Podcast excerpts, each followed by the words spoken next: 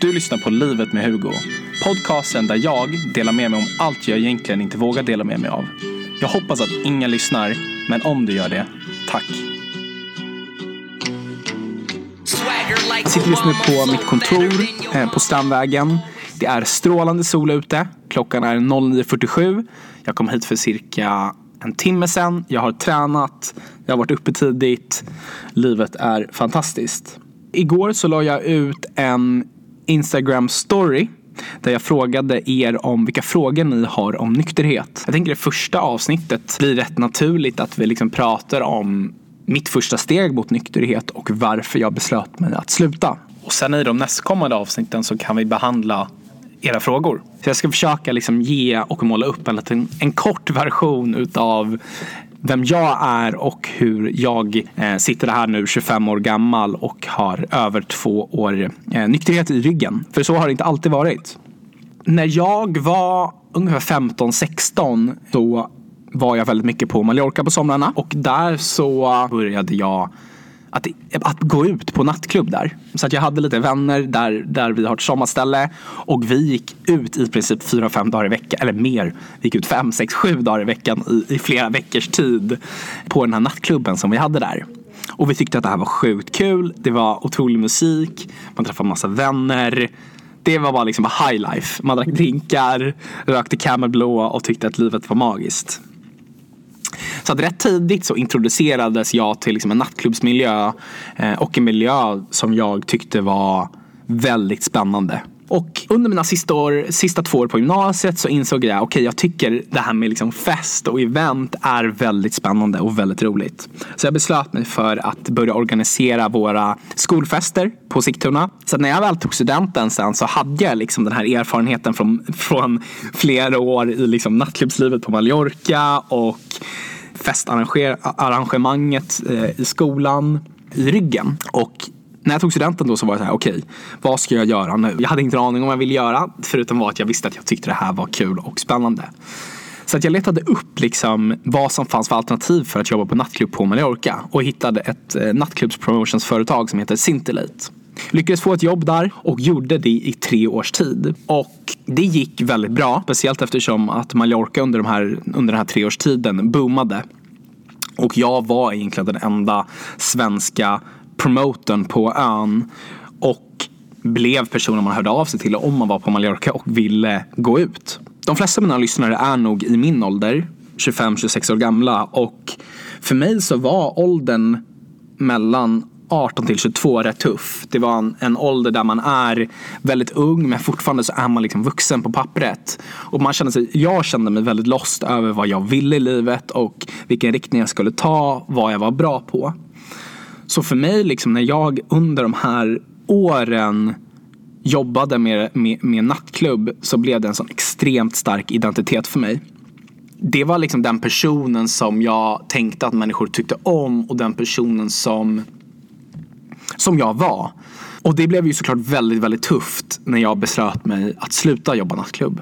Och det var kanske då allt det här blommade ut med att jag skulle bli nykter eh, egentligen. Så hur var mina alkoholvanor då de tre åren som jag jobbade med nattklubb?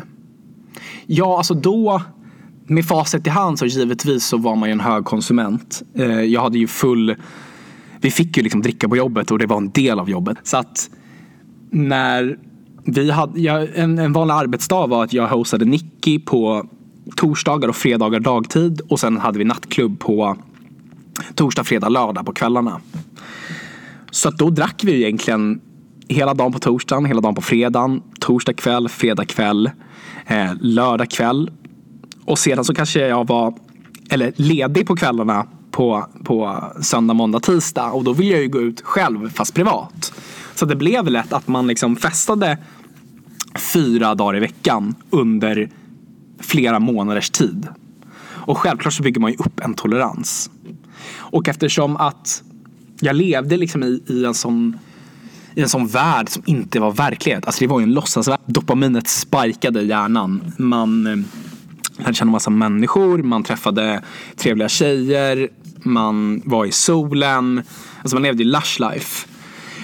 Um, så att min association till alkohol blev väldigt, väldigt positiv. För mig var liksom när jag mådde som bäst, det associerade jag till miljö där jag drack alkohol.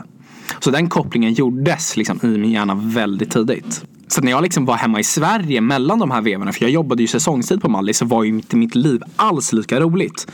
Vem tycker att det är lika kul att sitta på ett kontor åtta timmar i dagen och jämföra det med att liksom vara på nattklubb eller vara liksom på beachclub åtta timmar om dagen och träffa trevliga människor och dricka drinkar och tjäna samma mängd pengar. Eh, självklart så skulle man välja liksom det, det, det sista av de två alternativen som eh, 20-årig kille. Sen så fanns det någonting inom mig som förstod att så här, okay, jag börjar det började hända någonting för att så fort jag inte var på så fort jag inte var i min identitet som liksom klubb-Hugo så, så mådde jag dåligt. Eller jag hade ångest egentligen. Och jag förstod ju att så här, jag har alltid haft liksom varit väldigt självreflekterande och jag förstod att så här, det här kommer inte vara hållbart i längden för mig. Det här kommer inte bli något bra. Så att jag beslöt mig, okej okay, jag, jag skiter i allting som har med det här nattklubbslivet att göra. Och går tillbaka till skolan, jag skaffar mig liksom ett, ett, ett riktigt jobb och eh, gör något annorlunda. Jag blir liksom en, jag börjar plugga och sen så går jag och liksom jobbar på bank typ. Men det jag inte visste var att när jag slutade så skulle jag liksom verkligen falla ner i, i liksom en lucka där jag inte hade en aning om vem jag var längre. Jag visste inte vad människor tyckte om mig för. Jag visste inte vad jag tyckte var kul. Jag visste inte vem jag var förutom att vara klubbkillen liksom. Och det var väldigt, väldigt tufft. Och när jag då liksom hade liksom en, en period där jag liksom inte mådde bra och hade mycket ångest så fanns ju liksom min hjärnas koppling kvar till alkohol som någonting som var associerat med lycka kvar. Så mitt sätt att liksom må bättre var att fortsätta festa. För jag mådde ju bra i stunden. Det var ju, då kom jag tillbaka till min gamla identitet och jag, jag liksom var i miljön där jag mådde bra igen och jag drack och mitt dopaminet sparkade igen. Så fortlöpte det egentligen. Jag fortsatte festa och ofta liksom på tok för, för hårt. Det blev ofta benders där man liksom var uppe hela nätter och det var liksom inte hälsosamt egentligen. Och sen blev jag äldre och äldre och jag började liksom hitta började liksom googla väldigt mycket och youtuba, lyssna mycket podcasts om, om beroende egentligen. Och insåg att okej, okay, mitt, mitt sätt som jag dricker på är inte normalt. Varför kan inte jag säga att jag går ut på en AV och tar en öl och sen går hem? Varför innebar det alltid att det sen blev en middag och sen så blev det utgång och sen så blev det jag som vaknade upp med ångest? Och varför kunde jag inte bestämma mig, okej okay, jag ska spendera bara tusen kronor ikväll men ändå spenderade jag 8000 kronor. Varför fanns det liksom inget stopp? Och det kan nog många vittna, vittna om som liksom haft liksom ett, e, e, en problemrelation till alkohol eller droger. Att man inte vet när, när, man kan inte stoppa. När man väl har börjat så är det så här, no turning back. Och när jag var jag var 23 och ett halvt år gammal ungefär, 23 var jag. Så vaknade jag upp en söndagsmorgon och insåg att vad jag än gör så blir det alltid likadant. Jag gör av med alla mina pengar. Jag är uppe i ett, dygn ett eller två dygn i sträck och bara festar. Och det funkar liksom inte längre. Jag hade försökt så många gånger att säga, okej okay, nu ska jag ta det lugnare. Jag ska bara dricka öl, jag ska bara dricka vin, jag ska inte dricka sprit, jag ska börja kröka senare på kvällen. Eller alla de här olika lösningarna som man försöker med. Men ingenting funkade. Det blev alltid likadant.